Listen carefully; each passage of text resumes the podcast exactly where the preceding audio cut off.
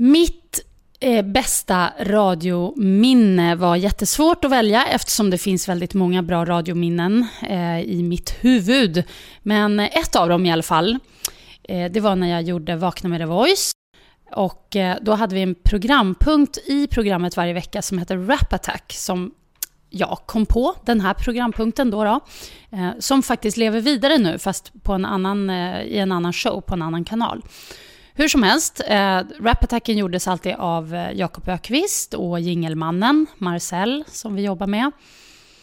Men så skulle vi göra en... Då tog vi alltså någon, någon låt som redan fanns och så gjorde man om den till en rap och, och, ja, och sjöng om något aktuellt helt enkelt. Och då skulle vi göra det på Erik Saades Popular som han gjorde i eh, Melodifestivalen. Men vi gjorde om den till ekorrgos eftersom jag pratade hela tiden om eh, olika ekorrgos och framförallt då Erik Sade som är ett ekorrgos. Och ekorrgos det är ju någon, det är en, eh, en gullig kille som man är förtjust i men som är alldeles för ung och alldeles för liten men ändå jättesöt och man vill bara krama ihjäl honom. Så eh, kände jag för Erik Sade på den tiden. Det gör jag fortfarande i och för sig. Men men då skulle vi göra en rap-attack helt enkelt. Då jag skulle vara med och sjunga om mitt ekorrgos. Och det var så fruktansvärt kul. Vi hade så kul när vi gjorde texten. Och jag var så nervös också inför det här framträdandet som skulle göras live i radio och TV.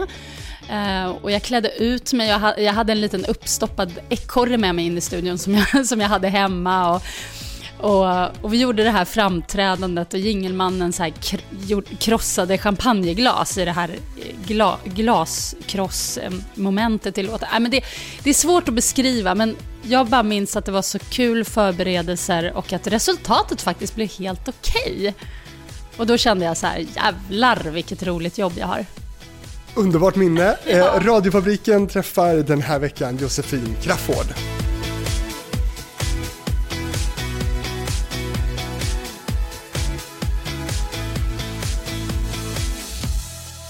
Härligt Josefin, då är vi igång. Brukar du bjuda hem främmande män så här? oh ja, hela tiden. Nej, men du kändes, du kändes som en bra man. Jag träffade ju Martin Timell i min uh, tvillingpodd Eh, TV-fabriken precis mm. samma dag som det där eh, hände. Och ja, det, det, kan man lyssna på. TV-fabriken med Martin Timell. Eh, intressant att höra så här i efterhand också. Eh, precis innan det där hände. Konstig grej. Ja, det är mycket med den där grejen. Det gäller att inte stirra sig blind på det här, ja, alla uthängda personer och så vidare. Det, det, det, det, är bra när saker kommer upp till ytan, men det som, är, det som är bäst med hela grejen, det är ju att det kanske kan bli en framtid där det är mera respekt och jämlikhet mellan båda kön. That's it. Det är, det är det det handlar om. Och när jag läste på om dig lite innan vi skulle ses så, så hamnade det faktiskt i ett blogginlägg eh, som du har skrivit om just Martin Timell. Ni har ju träffats några gånger och, och uh, han har utbytt, eller du, han har kom, gett dig komplimanger och så vidare. Allt blir så roligt i, ett, ett, i, ett annat, i en annan kontext. Liksom. Vad var det för inlägg? Jag vet inte, han, han har varit på radion och besökt dig i någon show tror jag. Jaha, okej. Okay. Blogginlägg, det måste vara jättelänge sedan då. Jag bloggar ju inte längre, men de ligger kvar någonstans där ute i cyberspace. Du måste googla. Ja, det får jag verkligen göra. Och nu sitter vi hemma hos dig på, på Söder här och vi, ska inte prata om dig, vi ska prata om ditt jobb egentligen. Så, men bara för att få en miljöbeskrivning, kan man beskriva din stil på något sätt? Ja, det är väl lite upp till andra på något sätt att göra. Själv tycker jag att jag har en ganska eh, bra smak och härlig stil. Jag är ju väldigt intresserad av allt som är visuellt. Alltså, jag, jag gillar det visuella uttrycket väldigt, väldigt mycket. Um, både när det gäller utseende, alltså det kan ju vara kläder och smink, men det kan också vara inredning, det kan vara konst, det kan vara arkitektur, alltså jag, jag, jag äter mycket med ögonen om man säger så faktiskt. Jag, alltså, jag, öppnar jag en tidning så tittar jag mest på bilderna och, och sådär rosa väggar är det och du sitter i sådana här snygga stora Garbo-glasögon för att det är väldigt soligt här eh, i din fina lägenhet. Och så äter vi lussebullar, dricker te och detta är för att det är liksom Lucia-tider och eh, advent. Gud vad härligt att du tog med lussebullar tycker jag. Och så just den här solen som lyser in, det känns som en jättebra början på dagen. Underbart. Mm. Jag tog en tugga här, det var jättedumt. Man kan tugga ur den. Um, lite mer då. Mm. Men väldigt uh, bra i alla fall. Du, um, första minnet jag har av dig det är faktiskt att, att vi har ju setts uh, förut. Kommer du ihåg det? Nej, vet du vad? Jag ska berätta en sak för dig. Jag har verkligen minne guldfisk. Det är så sjukt. Jag har en kompis, min bästa vän, eller en av mina bästa vänner, som ofta påminner mig om roliga saker vi har gjort. Mm. Och jag kommer inte alls ihåg. Alltså hon kan bara, kommer du ihåg när vi var på den där Lenny Kravitz-konserten och du började gidra med en tjej som var sur på dig för att du stod i vägen och sen kletade du tuggummi i hennes hår och jag bara va? Har jag gjort? Men kommer du inte ihåg? Jag bara nej, minns inte. Så, så svaret på frågan, nej. jag kommer inte ihåg. Det här var ju typ hundra år sedan och eh, det var på ZTV-tiden. Mm, men då måste väl du bara varit ett, ett litet barn? Ja, jo. Eh, Tullhus 2. Tullhus 2, underbar period. Stod ju i en panel där och pratade om olika saker liksom, flera gånger i veckan tror jag. Oh, jag förstår. Okej, okay, vad kul. Var det då, alltså, för det var då, för först hette vi Västmannagatan 44A mm. och höll till där naturligtvis. Och sen var det på Tullhus 2. Och det var under Tullhus 2, alltså där nere vid Skeppsbron som du stod och panelade dig. Men gud så roligt. Ja. ja. Det känns ju verkligen som verkligen hundra år sedan. Det gör det. det. Det är nästan som ett annat liv på något vis. Men jag känner så väldigt mycket med mitt liv. Att det, att det är som att mitt liv är uppdelade i, uppdelat i, i många liv, eller många livsperioder. Så. Var var du då någonstans? Det här var väl säkert 99 eller något sånt där? Ja, exakt. Det var lite roligt för det här programmet på SVT som heter Hitlåtens historia, som jag brukar titta på, gick. Och då visade de ett litet klipp från Tullhus 2, apropå Emilias den här låten Big Big World. Som, ja. Och då satt jag där, liksom, jag, det var helt oväntat. Jag satt och kollade på programmet och så dyker jag upp där med, med så här rastaflätor i hela huvudet och intervjuar Emilia då och bara ja men hoppas det blir, hoppas du gör världssuccé. Alltså det är så roligt att se det där. Um, på ett sätt känns det länge sedan, på ett sätt inte. Alltså Ja, jag var ju mitt uppe i mitt programledande liv. Men jag gjorde mycket annat också. Det har ju nästan alltid varit liksom fart och fläkt om man säger så. Jag var gift på den tiden. Det känns också konstigt. Jag såg ut som ett barn, eller jag var nästan... Alltså jag, även om jag kanske var... Hur gammal kan jag ha varit då? Alltså, när är du född? Ja, precis. Jag bara, när är jag född? Nej, men jag var väl runt 26, 27 kanske då. Men jag såg ju ut som 14. Alltså, och jag var nog lite som 14-15 i huvudet också. Nej, jag ska inte, jag ska inte, inte liksom negga på mig själv, men, men, eh, nej, men jag kom igång snabbt med allt sånt ju. Gifte mig och skaffa barn och sådär. Så att eh, så, men, men jag minns det som väldigt bra, väldigt roligt. Jag har många, många roliga, glada minnen från ZTV. Jag började ju där redan som 19-åring. Och, eh, och sen var det ett litet uppehåll då när jag ja, jobbade faktiskt en kort period på en tidning. Jobbade med illustrationer och layout och sånt. Tyckte inte alls att det var lika kul som att göra TV. Så ganska snart var jag tillbaka då på ZTV och eh, ja, körde på där. Det det, jag har inte jobbat med så mycket annat, så att för mig var det bara så här helt naturligt. Tullus 2 ska jag säga, det var ju ett program som du gjorde tillsammans med Kajsa Mellgren och Tobias Kagerlind också. Mm. Härliga, härliga människor. Tobbe bor ju i Berlin numera. Ja, jag tänkte fråga, vad har du för kontakt med dem idag? På ett sätt lite sorgligt att man, att man inte ses.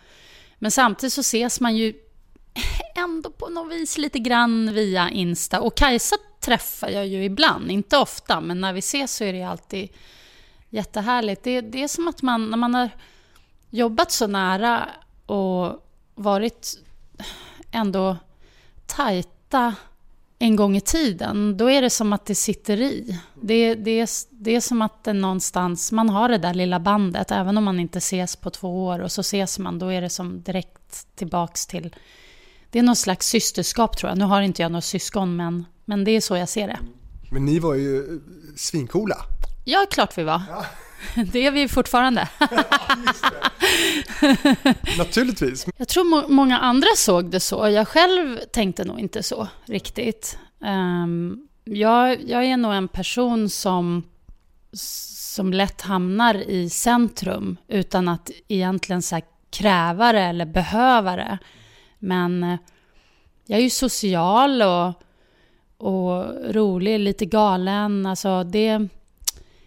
Och jag, jag umgicks väl i kretsar där det var, men det var liksom, ja, det, det, var inga konstigheter och det var ju inte heller som att jag var någon slags superstar som tjänar mycket pengar eller sådär. Jag mm, handlade alla kläder på second hand och förutom skor då, för det skulle ju vara sådana här buffalos med hög sula. Men, men eh, Eh, det, bara, det bara var så. Ehm, vi var ett gäng eh, som alltid gjorde såna här events, eller vi var som figurer på events. Vi blev inhyrda på premiärer och sånt, åkte runt på rullskridskor eller ja, var sminkade som Kiss eller vad det nu kunde vara. Vi gjorde modevisningar på rave och sprang runt i 60-tals bikinis och dunväst och kastade tv-apparater omkring oss. Alltså det var inget konstigt, det var bara så här, så såg livet ut ungefär. Det var ett annat årtusende också. ja, det var det.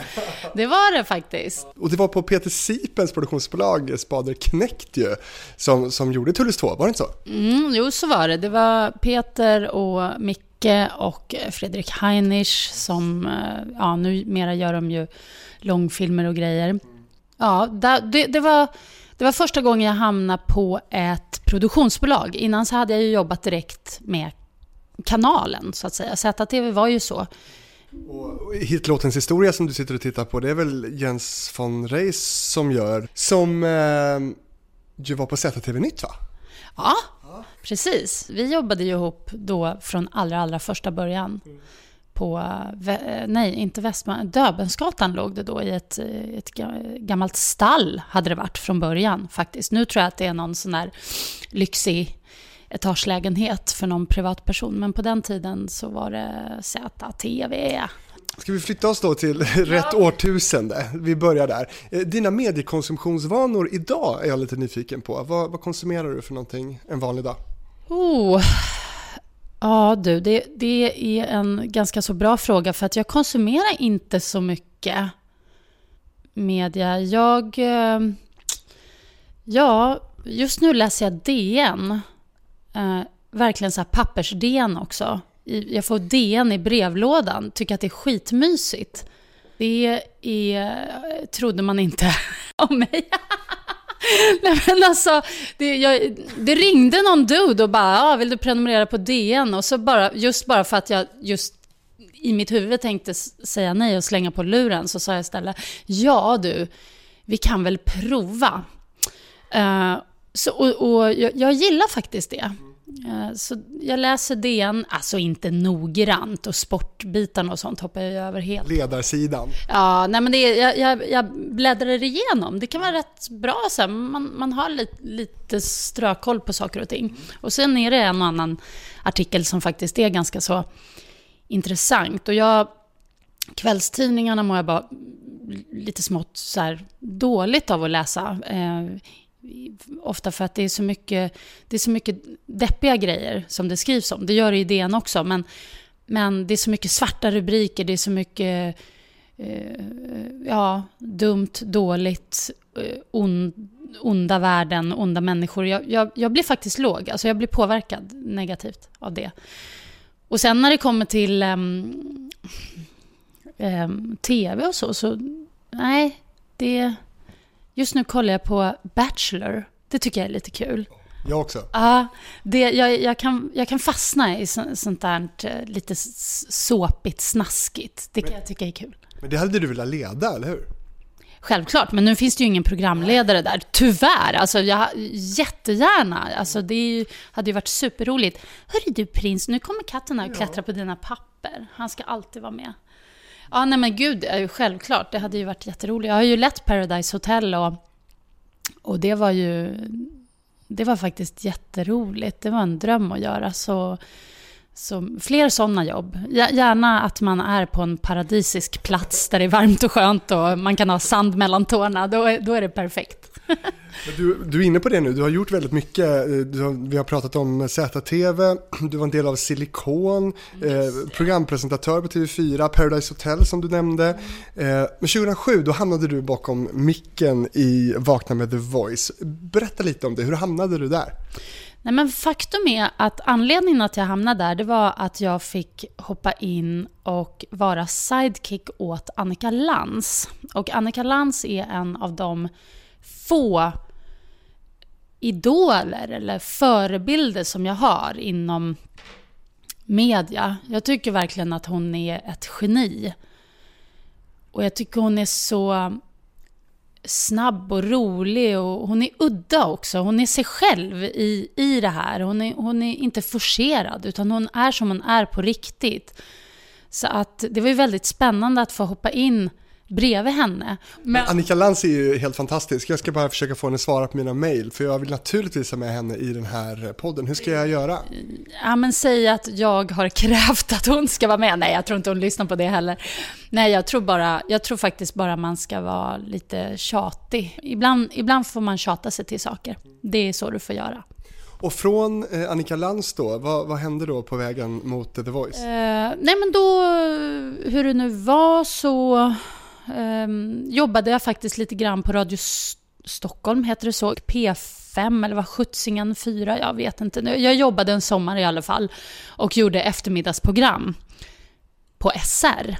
Och så på den vägen var det. Och rätt vad det var så stod vi där, jag och Jakob Ökvist och Paul Hauka. Precis. Ja. Spännande. Det där blev ju en otroligt stor succé. Det tv-sändes också. Mm. Jag vet att jag satt hemma och kollade ofta för det blev en, en, en, en bra tittning och en stor succé för det. Mm.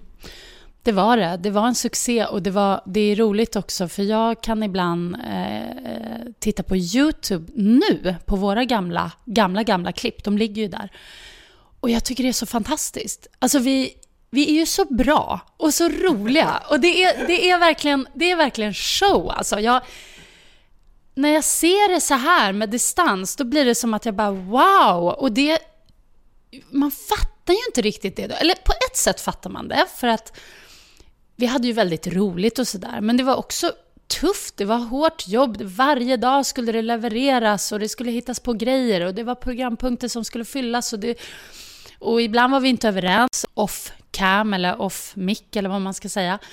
Um, och så, men, men, men sen gjorde vi ändå den här morgonshowen varje dag och eh, levererade. Och ehm, nej, det var, en, det var faktiskt en fantastisk period. Men det var också jättetufft och jag som inte ens är en morgonmänniska, jag var ju helt slut. Jag var helt dränerad. Varje dag när vi var färdiga så, ja, så hade vi väl något möte och så där efteråt och sen var jag bara så här, jag måste bara hem och krascha liksom jag sov bort väldigt många dagar. Alltså jag gick hem och la mig och sen så vaknade jag och gick och hämtade min son på dagis. Och sen blev jag pigg framåt kvällen när man egentligen borde gå och lägga sig då för att vara smart och vara pigg nästa dag. Nej, då var jag vaken istället. Och så sov jag bara några få timmar. Jag, jag fick aldrig riktig fason på det där. Jag tror man måste vara lite så strategisk och planerande för att klara en morgonshow. Jag tror Gry Forssell till exempel, hon, jag kan tänka mig att hon är så här, hon, hon vet nog hur hon ska lägga upp sin dag. Så här, men så här gör jag för att palla.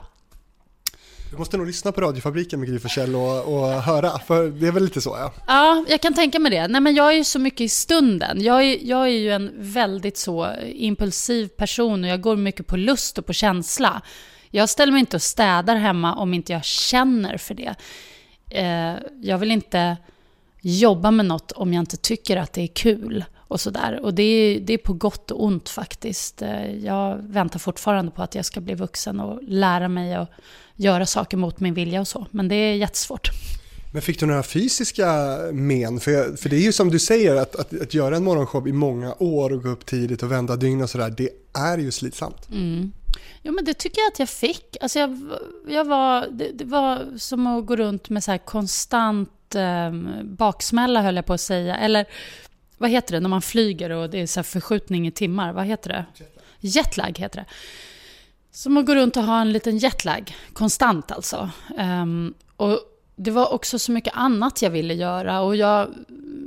Nu i backspegeln så kan jag tycka att jag var lite dum på det viset att jag också tog mig an så mycket andra uppdrag. Jag sa ja till allt. Jag är ju en ja-sägare. Och eh, då var jag verkligen också det och jag bara köttade på vilket gjorde att jag liksom eh, ibland tror jag var jag var för trött för mitt eget bästa. Alltså jag, jag, jag pallade inte riktigt trycket till slut. Det blev, det blev för mycket.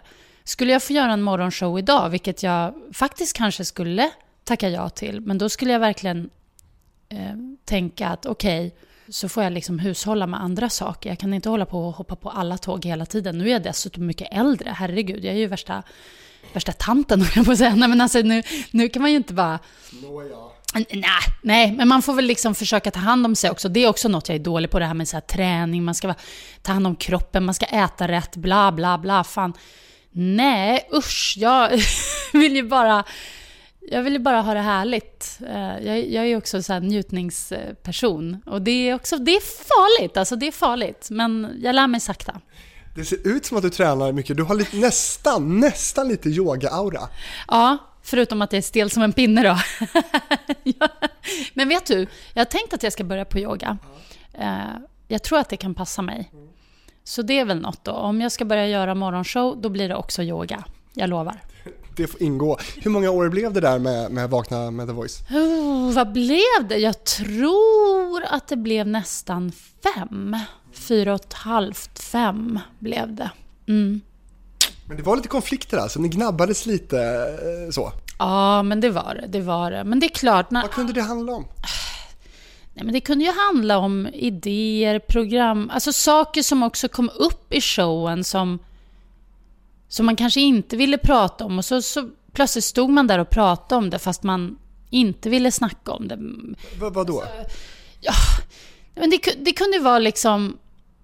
Det, när man jobbar så där nära, tre personer varje dag hela tiden, man, man, blir som en liten familj och då blir det ju också att man lär känna varandra på, på djupet. Och, det är klart att inte alla dagar alltid var fantastiska. Man kunde ju ha liksom skitjobbigt hemma till exempel. Jag hade ju småbarn och liksom, ja, med allt vad det innebär med relation och småbarn och så, och så vidare.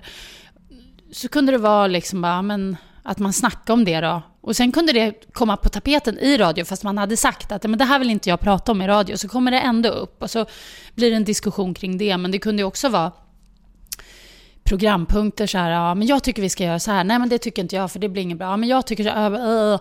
alltså det var liksom, men jag tror, i grund och botten så handlade det ju om att vi alla brann för den här showen, vi alla ville att det skulle vara så jäkla bra och sen har man ju lite olika idéer om vad som är bra. Mot slutet så kom ju ehm, eller mitten kan man väl säga, så kom eh, Kjell, Kjell Eriksson, alltså Källeman kom in som redaktör. Och det var riktigt bra. För då hade vi plötsligt någon som kunde ta ett lite övergripande ansvar och säga nej men vi gör så här. Utan att vara bossig, för det är han inte alls. Tvärtom. Det, var, det, var, det är också så här konstigt när man tänker på att vi inte ens hade en sån person från början. Att vi själva skulle uppfinna hjulet liksom, morgon ut och morgon in, det är ju inte klokt. Men, eh, men det gjorde vi. Men Nej, men så det kunde vara sådana saker. Och sen att, bara en sån sak att någon är trött och grinig och sur och så skapar det dålig stämning. Sådana där grejer. Men vi var alla proffsiga liksom. Vi höll det, vi höll det bra ut i radio och tv för det mesta. Vem var den starka där då? Vem var det som, som fick sin vilja igenom till slut? Ja, det var väl det att vi, vi alla hade väldigt starka viljor. Och det var, det var väl det som också var... Vi hade ju i och för sig våra utpräglade roller. Eh, Jakob var den roliga som... Ja, han var liksom ja, rolig men tog inte så här ton eh, stenhårt. Paul var ganska, han, han var ju någonstans den som bestämde, för han var ju ankare och det var han som bestämde när, nu slutar vi prata, nu drar vi på en låt eller nu tar vi upp ämnet. Det var ofta han som startade och avslutade påerna. Och jag var ju också lite rolig och lite rabiat och lite så här eh, vände och vred på ämnena och hittade vinklar och sådär som gjorde att det blev intressant. Um, så jag, jag, skulle nog säga att jag och Paul var nog de starka. Medan Jakob, han var mer go with the flow. Han var mer chill. Uh, och det var väl, det, det, där, det, där kunde det ibland bli spänningar, men å andra sidan så har jag nog aldrig haft så många sjuka skrattattacker som jag hade just med Paul Hauka. Vi hade något så här samförstånd i humor, eh, alltså lite sjuk humor, när ingen annan förstod vad det var som var roligt och sådär. Men det var, ja, Jakob var ändå också, han hade också sin, ja, vi, ja. Vi, vi, vi var ett starkt gäng och ett roligt gäng. Mm. Och Jakob Öqvist hör man eh, fortfarande i radio på rockklassiker. Precis. Härliga killar. Ja, nej men det, det, jag och Jakob har ju, vi har ju kontakt fortfarande. Men innan du hamnade själv bakom radiomikrofonen då, vad, vad hade du för relation till radio innan? Inte så mycket faktiskt. Jag, jag tyckte radio, det var så här, det var det där som, som kom lite i andra hand efter tv. Det var liksom, om tv var A-kändisen så var radio B-kändisen. Sanningssägaren här. ja. ja, men det var faktiskt, det, det, jag lyssnar inte på radio överhuvudtaget. Jag... Förändrades den bilden då när du själv gjorde radio? Ja, det gjorde det. Verkligen. På vilket sätt? Um, att komma och plötsligt vara en person i radio där jag fick mycket mer utrymme eh, för min personlighet och mina egna åsikter och att kunna vara mig själv mycket, mycket mer kände jag. Att det gick inte att komma undan. I tv kan man, man kan bjuda lite på sig själv men där, där upplevde jag att jag eh, nästan alltid spelade lite en roll. Och jag gjorde det med flit också. Jag skapade en roll som som i, i skvallerpress och sånt blev sanning. Jag kommer ihåg att jag läste någon sån här Se och Hör med en intervju med, för jag ljög ju jättemycket intervjuer och sånt också, för jag tyckte så här, fan de, de går ju på vad fan som helst, jag kan säga vad som helst. Så var det någon intervju när jag sa, det var i samma veva, jag hade skaffat min lilla chihuahua och jag hade massa löshår och sånt, långt innan ja, alla hade det och så. Och så sa jag att jag shoppade för 25 000 kronor i, i månaden. Och eh, liksom, ja, och jag sa att jag hade köpt något sommarhus i Marocko. Jag kommer inte alltså jag bara hittade på saker. Allting bara stod där i intervjun. Jag bara, shit, vad, vad enkelt det är. Men varför skulle man inte tro att du pratar sanning liksom? Nej, det är klart, men jag menar, jag var, jag var ju en ung tjej. Alltså, jag, herregud, jag var ju bara, jag var ju liksom inte ens 30 Eh, och separerad. I och för sig jobba med tv, men jag menar även om du jobbar med tv i Sverige så tjänar du ju inte, ja det finns väl några få som tjänar fett på det, men jag gjorde det definitivt inte. Uh, och, och sen, men jag tror jag har en liten så här teaterapa i mig. Så jag hade redan börjat lite grann i ZTV. Men, men det är en roll som ligger nära mig, eller det var en roll som låg nära mig själv, men som var lite så här eh, jag toppade den lite grann. Jag, ja, jag sprutade lite grädde på moset så att säga. I ett val som du skulle behöva göra mellan att gå och göra tv igen framför kameran och en radioroll så är min då lite fördom om dig att du i liksom tio fall av tio där skulle välja tv. Alltså det handlar helt och hållet om vad för sorts radioprogram slash tv-program det skulle vara. Det är verkligen det. För mig handlar det om vad, vad är det för vad är det för innehåll? Vad är det som görs här? I, i den bästa världen vill man ju kombinera, såklart. Det tycker jag skulle vara fantastiskt eh, roligt, för att jag gillar ju verkligen båda. Som jag sa tidigare så tycker jag ju att det, det roliga med tv, det är ju det här visuella. Att man, att man syns och att man är med i ett sammanhang som visas. Du kan titta på programmet, se personerna som är med. Och jag vill ju gärna göra något eh, där jag får interagera med andra människor och sådär. Um, och det är samma sak med radio. Jag vill göra det där också. Och, och, och i radio har du ju ofta lite mer utrymme.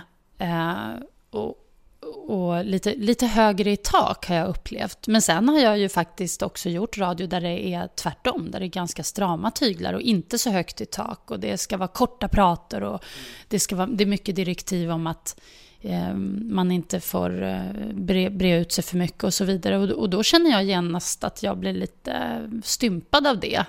Ehm, men då försöker jag tänka professionellt istället. Att okej, okay, då får jag försöka få in så mycket göttigt det går på så kort tid det går. Så att ehm, det, det, där, det är ett svårt val.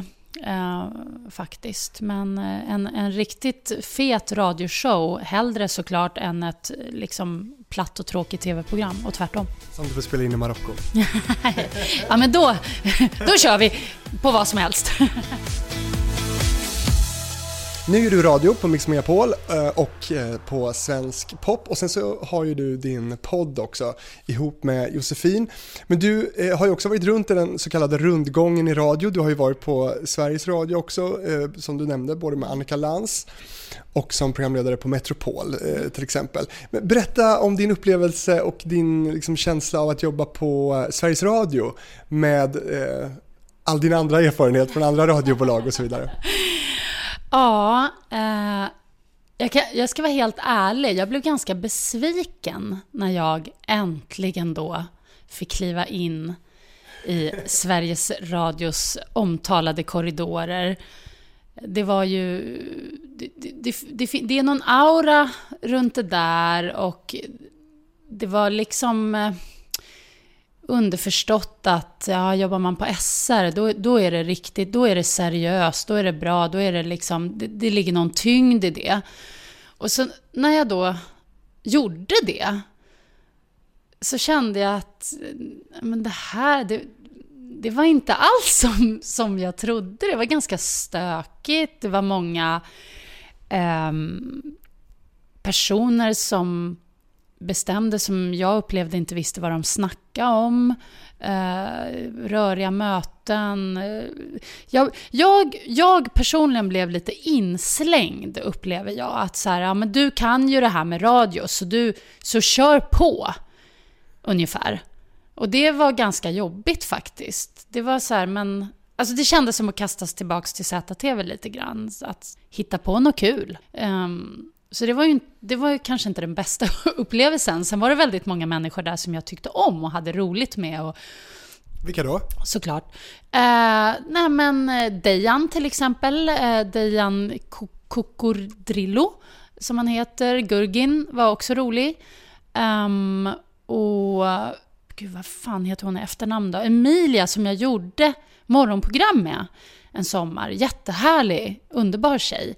Jätte, jag, nu har jag glömt vad hon heter i efternamn, det är så här, jag är dålig på namn. Men också eh, grym. Jag tror hon jobbar på något produktionsbolag nu. Kanske Munk eller sådär. Jag vet, jag vet inte. Men det är samma sak där. Vi, vi hörs mest på Instagram. Så, så är det. Men, eh, nej, men så det var ju... Det, det, det, det är så man får se det lite. När, liksom att det kommer alltid något bra ur det. För man träffar så mycket människor och många bra människor. Jag säger inte att någon var dum eller dålig. Det var bara det att det var rörigt. Och jag, jag blev förvånad över att de här upphåsade eh, liksom SR-korridorerna, eh, att, att det, var, det var bara så här, jaha, det här var ju som på vilken stökig arbetsplats som helst. Och det är ju inte så att jag inte har varit eh, på, eller vad säger jag, att jag eh, inte har varit på många stökiga arbetsplatser. Det, det är mer en vana. hur hanterade Josefin Crafoord det då? Jag, ganska snabbt så... Ja, jo men det var också, ja, men det var också en del... det, det, var, det fanns någon så här liten, ehm, ja, jag vet inte, hur ska man säga? Jag körde på där, men jag kommer ihåg att jag kände mig lite ensam. Jag kände att jag inte hade någon nå hjälp eller stöd. Jag kände liksom att det här som jag hade tidigare på Vakna med The Voice till exempel, där man var redaktion och man var ett gäng och man jobbade ihop för någonting inte riktigt fanns. Eh, det var, det var lite så här, alla gick runt med, med näsan i vädret och var viktiga. Men egentligen tror jag väldigt många var ganska förvirrade på något sätt. Uh, och, och jag, jag, kan ju inte dra alla över en kam. Jag var där en kort period och...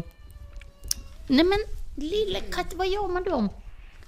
Ja, han tycker synd om mig nu, prins, när jag pratar om att jag känner mig ensam. Nu kommer min katt och vill gosa. Nej, men jag kände, jag kände lite faktiskt att det kändes lite så här... Ja, lite, lite, lite trist. Men å andra sidan, jag jobbar ju på. Det är också så här... Det är ju inte som att man bara kan välja och vraka hur som helst. Ibland ska ju bara pengarna in. Mm. Jag var dessutom mitt uppe i en eh, separation som var ganska jobbig. Uh, och liksom... Och i och med att jag ville foka på att lösa den så, så blev det som att ja, men jag bara jobbar på nu med det här så, så, får, så får saker ske. Som, ja, det, det som händer händer och sen slutar jag efter ett tag. Du, det här med ditt eh, frilansliv, för jag antar att du är liksom frilansare som fakturerar och sådär. Hur, hur, eh, hur, tycker du att det liksom eh, går? Hur mycket får du kämpa för att eh, stålarna ska rulla in? Ja, men det är en berg och dalbana utan dess eh, like kan man väl säga. Eh, jag har ibland fått kämpa stenhårt. Ibland har pengarna bara rullat in av sig själv så jag inte vet vad jag ska göra med dem och går och köper dyra solglasögon. Så att det är, det är väldigt...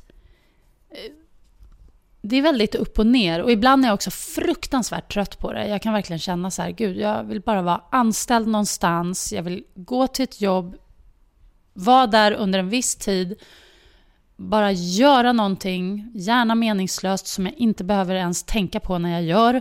Och så få min lön varje månad. Uh, och det är ganska ofta jag tänker så. Men uh, sen så tror jag att jag är som jag är och jag skulle nog inte palla det särskilt länge. Så uh, det finns väl en anledning till att jag håller på så här och sysslar med det här. Men gillar du företagandet? Um, Moms och sånt? jag har ju folk som hjälper mig med det. Jag tycker inte alls om eh, papper och, och, och sånt där. Men det är klart, jag gillar ju pengar liksom. Jag tycker att det är jättehärligt när man, när man vet att, att man har pengar. För det är inte så jävla självklart. Jag kan ju ha... Eh, jag har ju haft perioder i mitt liv där jag en eller flera månader i rad inte fakturerat en krona. Och då är det otroligt stressande. Um, och därför så, så är det ju det är viktigt att ha jobb. Men jag är också så här, jag är väldigt mån om mig själv, jag är mån om min fritid, jag är mån om att må bra. Så att eh, det är en ständig kamp faktiskt att, att eh, jobba för att göra det man på riktigt vill och tycker är spännande och kul och som också ska vara liksom lite utmanande. Så fort det blir bekvämt så har jag en ten tendens att, att ruttna. Jag tycker att, eh, att det inte riktigt... Det måste liksom kittla, det måste finnas en känsla av att ska jag klara det här eller kommer jag inte göra det? Oh, jag, jag gillar det där on the edge. Och det, ibland gillar jag inte det med mig själv, att jag är sån, men jag är sån.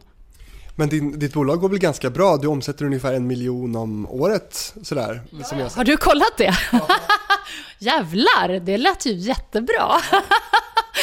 ja, nu blir. Även om du liksom kanske inte då varje månad kan, kan fakturera så, så, så fakturerar du rejält när du gör det då eller?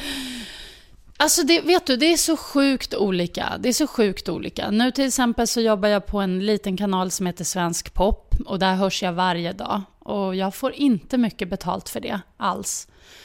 Och ja, rätt vad det är så får man någon, något på en större tv eller radiokanal eller whatever och då pang så flupp så får du liksom en summa. Um, ibland så kan jag bli lite så här, ja, jag, jag kollar på andra programledare som verkar ha sånt jävla flow, du vet, som bara de bara tjänar mer och mer och mer och de bara köper större och större villor och avancerade lyxresor. Liksom. Och jag bara, varför blir det inte sådär för mig? För mig är det liksom uppåt, uppåt och sen bara stup, ner och så bara får man börja harva igen, uppåt, uppåt, uppåt. Har du någon du skulle vilja byta karriär med? Nej, verkligen inte. Jag kan bli lite avundsjuk på Karina Berg som gör det här eh, världens farligaste jobb.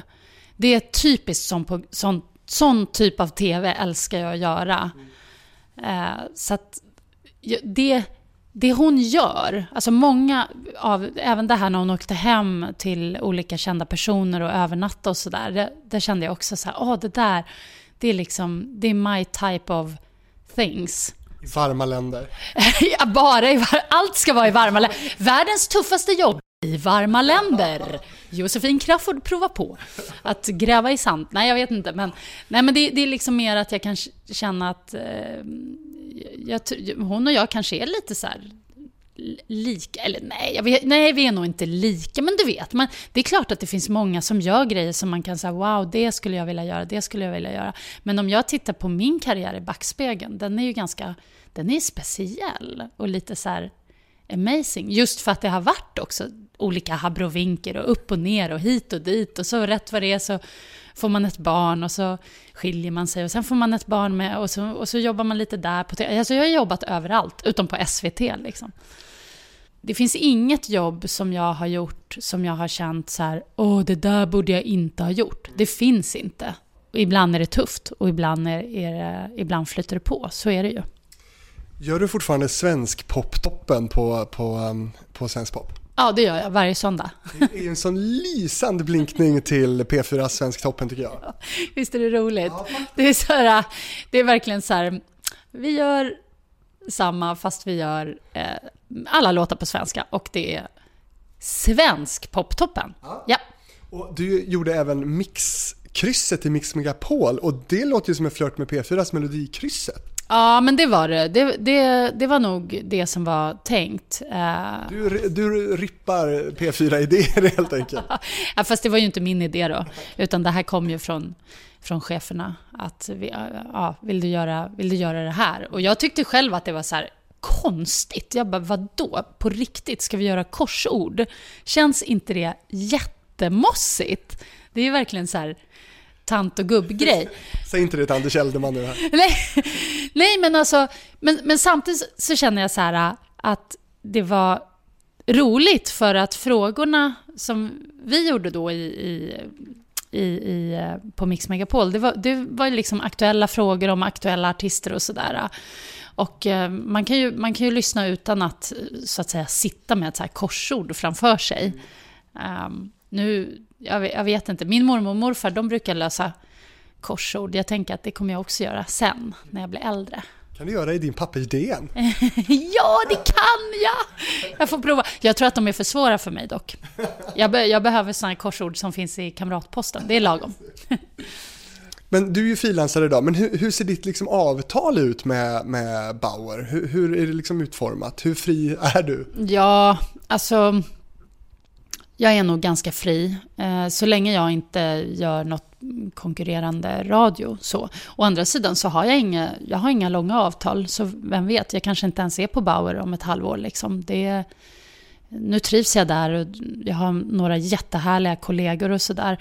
Men just nu så upplever jag faktiskt att det är, branschen känns lite osäker och det, det, det är de här, de här avtal, eh, stationsavtal, sändningstillstånd, där, du sa det, sändningstillstånden som ska eh, säljas och så vidare. Och mm, jag tycker jag märker på så här, alla chefsgubbar, för de flesta är gubbar, eh, går runt och ser jävligt så här, spända och småsvettiga ut just nu. Så att, och det gör mig också lite så här, uh, uh, jag, jag gillar inte den känslan. Jag vill, jag vill känna lugnet. Och som sagt, jag vill göra riktigt, riktigt, riktigt bra grejer. Och sen om det är på en pytteliten miniradiostation eller på den fetaste tv-kanalen som går worldwide, det spelar inte så stor roll. Så länge jag har det roligt och har bra kollegor och gör någonting som ger någonting så... Men,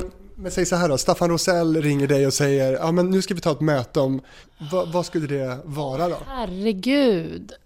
Oj. Ja, men jag tror det, det skulle faktiskt vara en eh, kvällsshow. Jag skulle vilja göra, istället för en morgonshow, en kvällsshow med gäster och underhållning. Och så vill jag att det ska vara jätte, jättehögt i tak. Det ska vara, Det ska vara väldigt så här avslappnat, roligt och, och um, gästerna som kommer ska gärna glömma att de ens är gäster i ett program. Um, lite nattsudd sådär, om du minns. Alltså det är ju ett jättegammalt program. Som... Ska du dricka också? Ja, det kan drickas lite grann kanske. Alltså det, det är ju såklart inget måste, men om någon vill vill eh, knäcka en bira så ska det såklart gå bra. För det gör du i din podd va? Eh, ibland. Ibland så brukar vi faktiskt ha lite vin eller bubbel eller bärs. Det beror lite på. Jag brukar fråga gästerna. Va, va, hur, hur kommer det sig? Jag tycker det är en trevlig grej. I och med att de inte får något betalt när de kommer och gästar så kan man i alla fall bjuda på någonting. Så jag brukar alltid fråga så här, ja, vill du ha bubbel? Vill du ha, vill du ha vin? Vill du ha godis? Eh, frågar gästen innan då. Och ibland är de så här. nej, nej, det behövs inte, jag vill bara ha kaffe. Okej, bra, då får du väl dricka det där äckliga gamla snutkaffet då. Men de flesta blir väldigt glada. Åh, bubbel, det var det bästa jag har hört, vad kul! Så här. Så vi hade ju Thomas Sekelius till exempel som gäst. Han var väldigt uh, glad. Alltså folk blir ju glada. När de dricker? Av, nej men av att man bjuder på... Det krävs så himla lite. Det behövs inte ett fett arvode, det behövs bara en flaska bubbel. Mm. Så. Nej, men något, det, jag tycker det skulle vara skitkul. Mejla Staffan. Ja, jag får göra det. men du, um, vad intressant att, att, att snacka med dig Josefin och får hoppas att du får, får göra något sånt här drömprojekt uh, framöver. Uh, du gör ju nu podden ihop med Josefin i, uppe i över 160 episoder. Det är ju helt galet. Ni pratar relationer. Ja, det, det är roligt för att det det trodde jag inte från början. Det var faktiskt Adam Alsing. Det, det är tack vare honom som den här podden överhuvudtaget existerar. Han hörde av sig och bara Hörru, ska inte du göra en podcast? Jag visste knappt vad en podcast var. Va? Vad då? Och så tog vi en lunch och snackade och han, eh, då gjorde han en podd och hade utrustning och så själv. Han hade ett litet kontor eh, någonstans i stan. Och undrade om, vi, ja, om jag ville göra det då. Och eh, ja, så blev det en relationspodd. Och så drog vi igång och bara körde. Ja, sen har det bara rullat på. Vi hade ett uppehåll faktiskt och det var väl under det uppehållet som jag kände men gud, det här med att göra podd, det var ju grymt. Varför? Alltså det borde man ju fortsätta med. Nej, men det är skitkul. Det är, det är som ens egen lilla bebis på något sätt. Precis som den här, min. Ja. Du, kommer du tipsa om den här i dina sociala medier? Det kan jag gärna göra faktiskt. Jag måste ju lyssna på de andra avsnitten också och höra om det är bra. Nej, alltså, jag, kommer, jag kommer tipsa. Jag kommer tipsa. Absolut, det kan jag faktiskt göra. Nu, nu, nu är jag faktiskt här, jag måste bara säga en grej, det här med sociala medier och, och vad det innebär. Att ibland tycker jag att det är så jobbigt att, eh, i och med att man också känner många i, i, i den här branschen och andra branscher. Och det är mycket så här att det tas för givet att man ska, att man ska tipsa om varandras, eh, ja, böcker eller eh, tv-produktioner liksom, eller whatever. Och jag kan känna så här, fan det är väl inte så himla självklart. Bara för att man känner en person som man tycker jättemycket om så behöver ju inte det betyda att man älskar den personens bok. Det kan bli känsligt. Ja, mm. men det, och, och, det är det jag tycker är lite så här, det är lite speciellt att det är så tabubelagt. Mm. Att man, man måste om man tycker om en person, då måste du av någon anledning älska det den personen gör. Och så funkar det inte för mig. Nu tycker jag att den här podden är jättebra såklart. Framförallt med dig. Ja, med mig ja. Nej men, nej, men jag tycker det här är en bra idé. För här, den här podden handlar om någonting. Jag har jättesvårt att hitta poddar jag tycker om. För att jag tycker de flesta poddar bara... Eh, då, då, är det några jeppar eh, som sitter mer eller mindre kända och pratar om sig själv. Och jag tycker det bara är så ointressant. Jag tycker det ska finnas någon, något tema eller ett ämne. Nå någon, någon liten USP som gör att, att det blir eh, intressant. Jag förstår inte när det bara är så här snack om en persons vardag. I så fall måste det vara någon som jag känner så det där är lite, ah, jag tycker det är bara en, så här, det är en liten så här spaning jag har gjort. Nej, jag fattar absolut. Och den här podden är ju helt reklamfri, jag tjänar inte en spänn på den. Men de som följer dig tänker jag kan vara intresserade av dig och det du gör. Därför, det var därför jag tänkte att du kunde tipsa kanske. Ja, nej men alltså jag kommer ju tipsa om det här och jag kommer ta en bild på oss nu också och lägga ut och allting. Och det spelar ingen roll, hade du sagt att du tjänar en miljon eh, per avsnitt så hade jag ju bara wow, grattis liksom. Men, men, så det har inte med det att göra, utan det, det var jättekul att vara med och eh, jag, eh, ja, jag, jag gillade att du kom hit och att du hade med dig lussebullar också. Det var det, var det bästa. för dig Josefin och eh, för dig som lyssnar som gillar radio så kan man gå in och lyssna på de andra avsnitten av Radiofabriken, bland annat med Gry Forssell som du nämnde och oh, Titti Schultz har varit med, Marianne Hasslov på Ekot om man är intresserad av de här seriösa nyhets rösterna. Det är också en grej, oh, nu, nu kommer du inte kunna stoppa mig längre, men jag har tänkt på det, en annan grej, att just vi programledare, alltså ofta så är man ju programledare och sen jobbar alla andra runt omkring i så här, med andra uppgifter. Eller så kanske det är två programledare, men oftast inte fler. Att eh, det kan vara bra att lyssna på andra. Jag vill gärna lyssna på ja, alla de du berättar just, för man vill liksom höra hur, hur upplever de det? Upplever de det som jag eller är det på ett helt annat sätt för dem? Och... Exakt, och hur ofta har man tid att sitta ner och snacka om sånt här? Ja, man borde faktiskt ha en så här, programledarförening har jag tänkt på. Och så borde man se så här en gång varannan månad och bara så här sitta i en ring liksom och bara, ja, ett AA fast, fast, fast, ja, fast att det inte handlar om alkohol då såklart. Det kommer säkert fram en flaska bubbel om jag känner det rätt. Och eh, kan vi sitta här på din terrass? Mm, det är perfekt. Vill du e-posta till mig, gör det på fabrikspost.gmail.com. Tack Josefin Crafoord för att du ville vara med. Och tack så mycket för att eh, jag fick komma, eller för att du kom hem till mig.